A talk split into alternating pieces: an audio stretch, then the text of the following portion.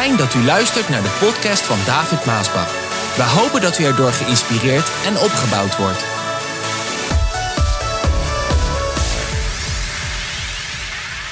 Op dit moment is er geen land zo bedreigend op ons continent als Rusland. Ik denk dat u dat ook wel moet beamen.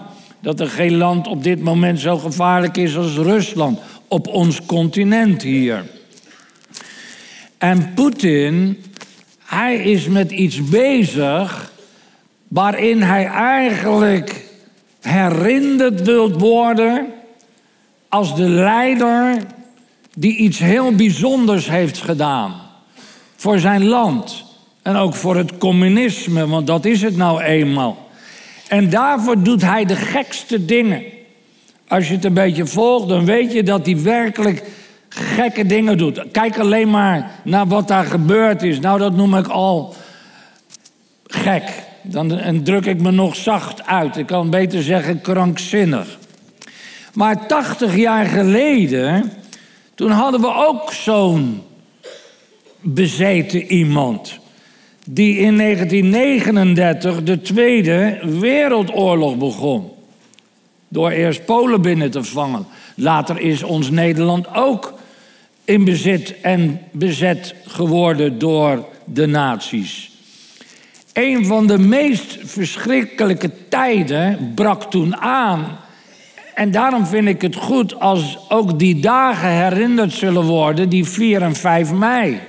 Dat dat blijft. Ook weer voor een nieuwe generatie, zodat die beelden terug zullen komen, foto's, beelden en verhalen van wat daar heeft plaatsgevonden. Want vergis je niet, naast de 6 miljoen Joden, wat al verschrikkelijk is, zijn er wel zo'n 60 à 70 miljoen mensen in de Tweede Wereldoorlog aan hun einde gekomen. Aan de andere kant van het kanaal, in Engeland, was er een man genaamd Winston Leonard Spencer Churchill, ofwel Winston Churchill, beter bekend. En hij bood met een ijzeren wil tegenstand. En dit is wat hij zei.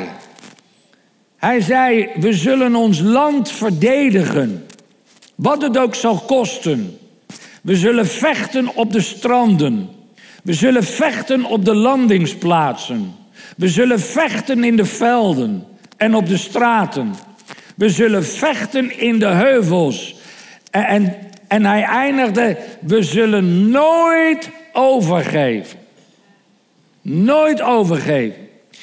Ik wil jou, en voor de ouderen u, ik wil jou vandaag laten zien een wat meer diepere betekenis van wat er vandaag gaande is.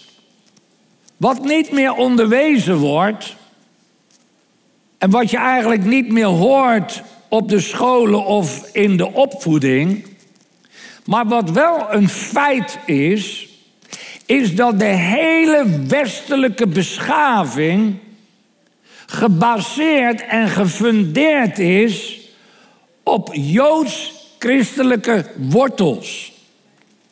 Er zijn er velen die dat niet weten van de nieuwe generatie, omdat de tijd is helemaal veranderd.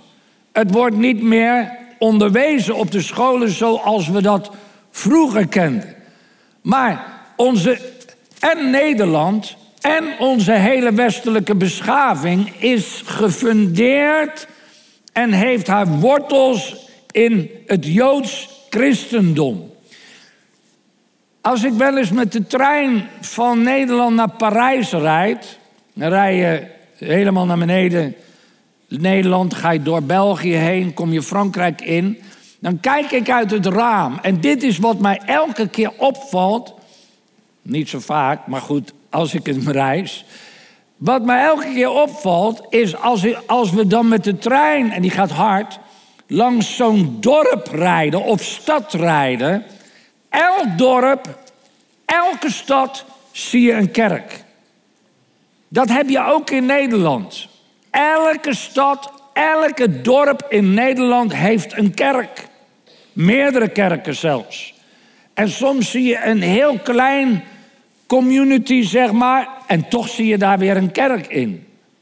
En je ziet dat op de hele weg van Nederland rijden naar Parijs. Nou, praat ik nog niet eens over Italië, waar het katholieke geloof is. Maar het wil dus zeggen, lieve mensen, dat die hele beschaving, ook van ons Nederland, rust op joods-christelijke wortels.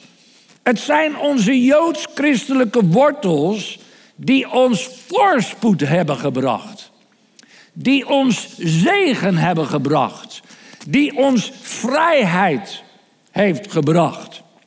Het joods-christelijke concept heeft ons meer individuele vrijheid en voorspoed gegeven dan enig andere filosofie of enig andere godsdienst of enig ander systeem. Heb je daar wel eens bij stilgestaan? Misschien niet, maar vandaag mag je het horen. Enig andere filosofie, godsdienstsysteem die er in de wereld is, het Joods christendom heeft ons vrijheid en voorspoed en zegen gebracht. Het Joods christelijke concept dat is het geheim van onze vrije levensstijl die wij hebben. Hier, laten we het even op ons Nederland houden, maar het is in het hele Westen zo. Want het is juist die vrije levensstijl die voortgekomen is uit ons joods-christelijk geloof en wortels, waardoor mensen uit de hele wereld naar ons toe willen komen. Overal vandaan. Ik bedoel, ik zie weinig mensen vluchten naar India of China of zelfs Rusland. Het is naar het Westen, het is naar ons Nederland. Dat is niet voor niks, lieve mensen. Dat heeft te maken met de vrijheid die wij hebben. De vrijheid waarin ons prachtig Nederland leeft vandaag. Het heeft ons veel gekost om die vrije levensstijl te behouden. Ook in de Tweede Wereldoorlog, waardoor wij, daar zijn vele, daar is een hoge prijs voor betaald, waardoor wij vandaag niet onder de tirannie van de tiran leven, maar dat we vrij zijn. En wat dat betreft, en dat vergeet de nieuwe generatie, hebben wij veel te danken aan Amerika, Canada, Polen en Engeland. De geallieerden die binnen zijn gekomen. En helaas, de laatste zijn zo'n beetje overleden van die tijd. Het is alweer 80 jaar geleden. Maar wij hebben veel aan deze landen en aan die mensen die daar hun leven hebben gegeven om ons vrij te maken van de tiran Hitler. Anders had vandaag de wereld er heel anders uitgezien en hadden wij vandaag heel anders geleefd. Maar wij leven in vrijheid. Door hun offers leven wij vandaag in vrijheid. Maar waar, toen ik daarmee bezig was, hebben zij eigenlijk dan echt hun leven voor gegeven? Waarvoor hebben ze de prijs betaald? Waarvoor hebben zij gevochten?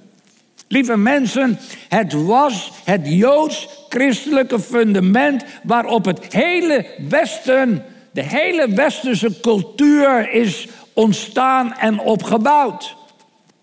En dat is eigenlijk ook wat er nu gebeurt in Rusland en de Oekraïne. Het Westen, dat doet er alles aan om de opmars van Rusland te stoppen. En dat is niet voor niks. En velen hebben daar, ja, hebben er niks mee. En die, ja, die denken het zal wel. Maar het is niet heel ver van ons vandaan. Hè? En het is wel op ons continent, hè, waarin zwaar gevochten wordt strijd geleverd wordt. En wat zij eigenlijk doet, het Westen, door al die wapens te leveren, En ik ben blij dat ze zelf nog niet helemaal optrekken, want anders dan explodeert het helemaal. Maar wat zij eigenlijk doet, het Westen, is het verdedigen van onze manier van leven. Zodat wij straks niet geregeerd zullen worden door die tiran in Rusland. Want dat zit erachter. En dat wij in vrede en in vrijheid mogen blijven leven zoals de afgelopen 80 jaar. Dat is wat ze eigenlijk doen.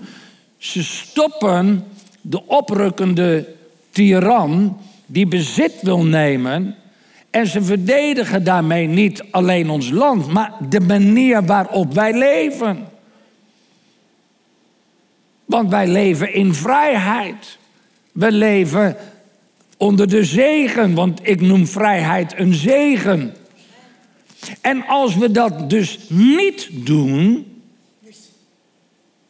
als, de, als wij als westelijke samenleving maar denken, nou het zal wel, als wij dus niet doen en de tiran rukt op en we komen in bezet gebied net als 80 jaar geleden, dan worden we teruggeworpen in de middeleeuwen. En er zijn er velen die dit dus niet beseffen. En dan leven wij onder het, de communistische horror. Waarvan we de verhalen kennen in Rusland. Je bent er misschien nooit geweest. Of in China. De horror van het communistische China. Of wat denk je van Noord-Korea? Dat zijn de communistische landen. Nou, kijk hoe de mensen daar leven. Die leven niet zo vrij als wij hoor. Waar je even wat kan roepen tegen Rutte en de regering. En buiten kan staan met een bord en noem maar op. Dat kan allemaal niet in die landen. Je wordt in de gevangenis gegooid en, en je hoort nooit meer wat van die mensen. Wat onze goddeloze regering en overheid, ook die grote, dat logge schip in Brussel, de overheid Brussel, de regering in Brussel, wat zij niet begrijpen en beseffen is wat Paulus zegt in Efeze 6. Want in Efeze 6, vers 12, daar staat, wij hebben niet te vechten tegen vlees en bloed, maar wij hebben te vechten tegen overheden en machten, boze geesten. En ja, zij geloven daar niet in, dus zij beseffen dat niet. Maar wat daar gebeurt, dat, dat kapotmaken, dat vernietigen, dat, dat, dat komt uit de boze, dat komt uit de afgrond. Net als wat Hitler deed, net als wat Haman deed. Dat zijn de boze machten en geesten en die zijn bezig. Dat wil zeggen, de boze machten, die zullen altijd proberen om onze joods-christelijke wortels uit te roeien. Dat is de diepere achtergrond wat hier achter speelt. Het was de levende God van Abraham, Isaac en Jacob. Want er zijn vele goden in de wereld. Maar ik heb over één God, de levende God van Abraham, Isaac en Jacob. Die op de berg Sinaï al zijn wetten en regels, normen en waarden aan Mozes gaf. Want daar leerde God hoe de mens met elkaar moest omgaan. Ten opzichte van elkaar, ten opzichte van God. Bracht God al zijn normen en waarden, wetten en regels en principes, bracht hij over aan Mozes. Niet alleen de tien geboden, dat waren er nog veel meer.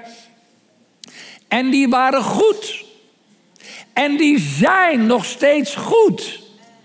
Gods wetten. En Mozes, hij gaf ze weer door aan het volk van Israël, de Joden. En uit de Joden is Christus voortgekomen. En uit Christus is het christendom voortgekomen. En zo is onze hele wet, uh, westelijke cultuur, beschaving, tot stand gekomen. En zo is onze hele westelijke beschaving dus gefundeerd en gebouwd op dit boek. Begrijp je dit, waar ik het vandaag over heb?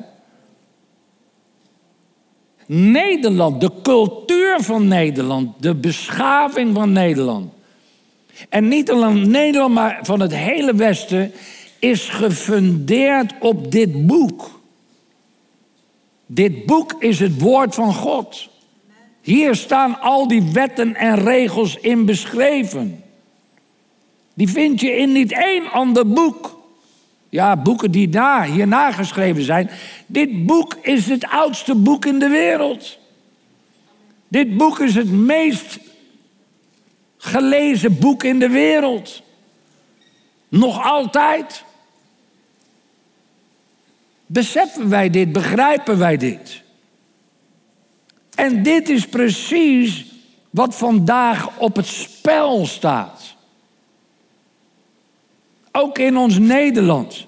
Onze beschaving, wat gefundeerd is op dit boek, dat staat op het spel.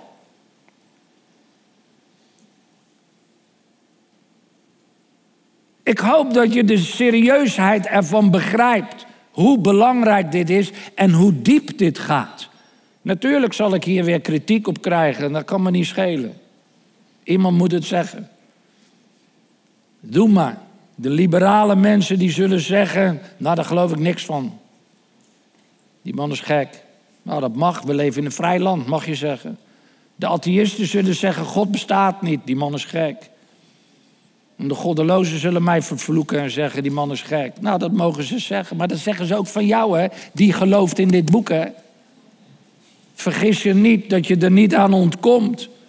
Maar daarmee zetten zij wel de hele westelijke beschaving en ons Nederland op het spel. Juist dit boek gaf ons vrijheid en voorspoed. En hoe wij vandaag leven.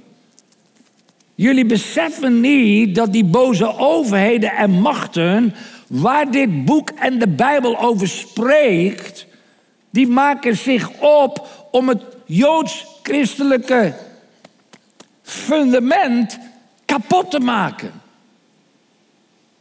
En de boze machten die zijn daarop uit. Maar dit gaat boven hun pet van de regeringsleiders en de overheid. En zelfs ook van vele kerkelijke leiders.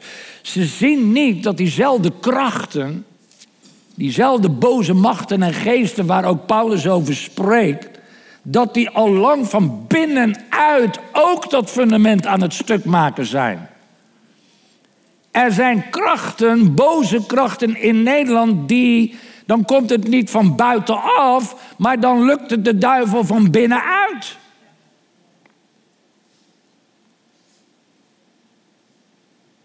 En zo werkt de duivel ook altijd in een gemeente. Als hij het lichaam van Christus van buitenaf niet stuk kan maken, dan doet hij het van binnenuit. Als hij mensen kan vinden. En velen snappen niet wat er gaande is, maar ik zeg jullie overheid en regering, dit is de Bijbel, het woord van God. Wat jullie weg hebben gehaald uit de Tweede Kamer en alle overheidsgebouwen. Dit is de Bijbel, het woord van God. Waar Nederland en het hele Westen op gefundeerd is. De Bijbel is niet oudbollig, een oudbollig boek. De Bijbel is actueel. Het spreekt over waar de mens vandaan komt, waarom de mens op aarde is, waar de mens naartoe gaat, waar deze wereld naartoe gaat.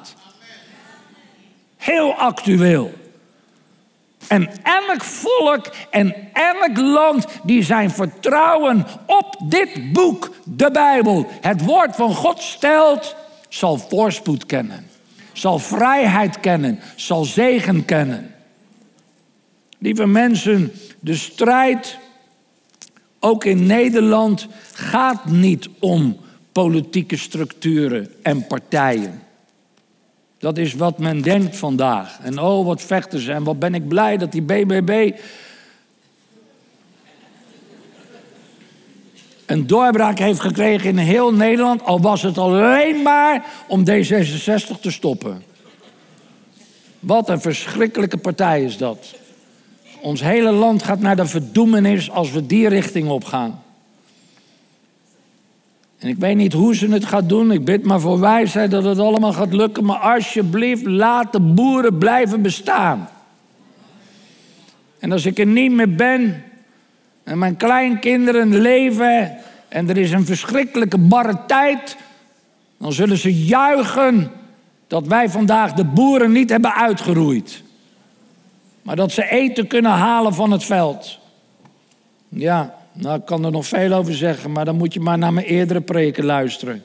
Lieve mensen, het gaat niet om structuren en partijen. Nee, het gaat om de Bijbel. Daar gaat het vandaag om. Zal de toekomst van Nederland en het Westen gefundeerd blijven op de Bijbel? Op het woord van God? Of wordt het vervangen door goddeloze concepten van goddeloze mensen en goddeloze partijen? Laat mij dit zeggen: elk ander fundament dan die van de levende God zal de vrijheid, de zegen en de voorspoed die wij vandaag nog altijd kennen wegnemen. Hoor je dit? Je zal het verliezen. En eigenlijk zien we dat al gebeuren in ons Nederland en het hele Westen. Wat probeer ik vandaag te doen, lieve mensen? Alles wat ik vandaag probeer te doen, is mijn stand innemen voor dit boek. Wat ons zoveel voorspoed heeft gebracht, zoveel zegen heeft gebracht en zoveel vrijheid heeft gebracht waarin wij leven. Niet onze universiteiten. Niet onze geweldige handelsdrang die wij in Nederland kennen. Niet onze hoge CEO's, multinationals, banken en al de belastingen die wij betalen. Oh, belastingen. Even afschudden. Maar dat is niet wat ons voorspoed heeft gebracht. En zegen heeft gebracht. Maar de belofte van God in zijn woord, in de Bijbel, dat als wij leven naar zijn geboden, wandelen in zijn wegen, dan zal God zijn zegen gebieden over een ieder en elk land. Dat is de belofte die God in zijn woord heeft gegeven. Dat is hoe het Westen gebouwd is. Daarom zie je dus al die kerken die vandaag leeg zijn, vele. En dan zie je een ontkerkelijking gaande. En als het volk is afgeweken en als het land is afgeweken, hebben we ook nog twee kronieken waarin God zegt: Als mijn volk zich vernedert en bidt, mij weer zoekt en breekt met zijn zondige praktijken, dan zal ik vanuit de hemel luisteren, zijn zonde vergeven en het land weer gezond maken. Wat een belofte, lieve mensen.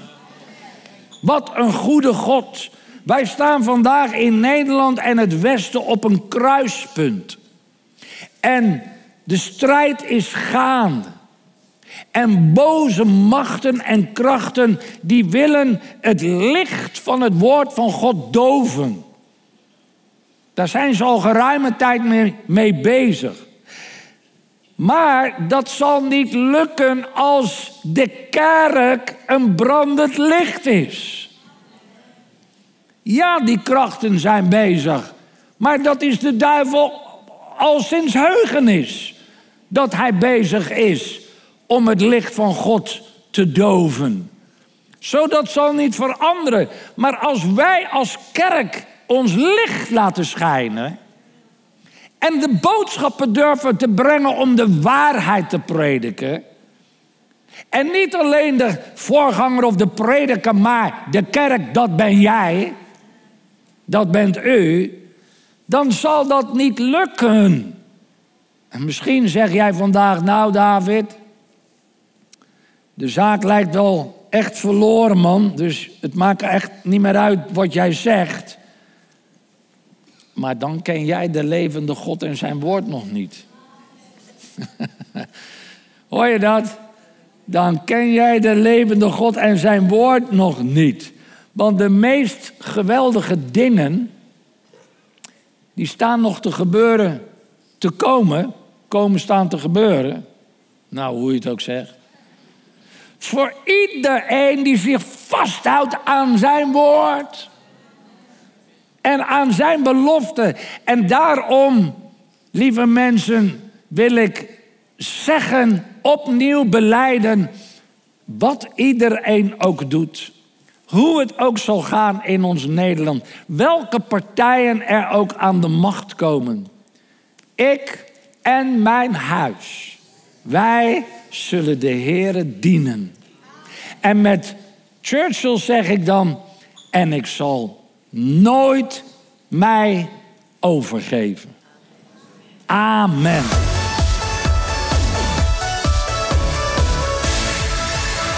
Bedankt voor het luisteren naar deze podcast.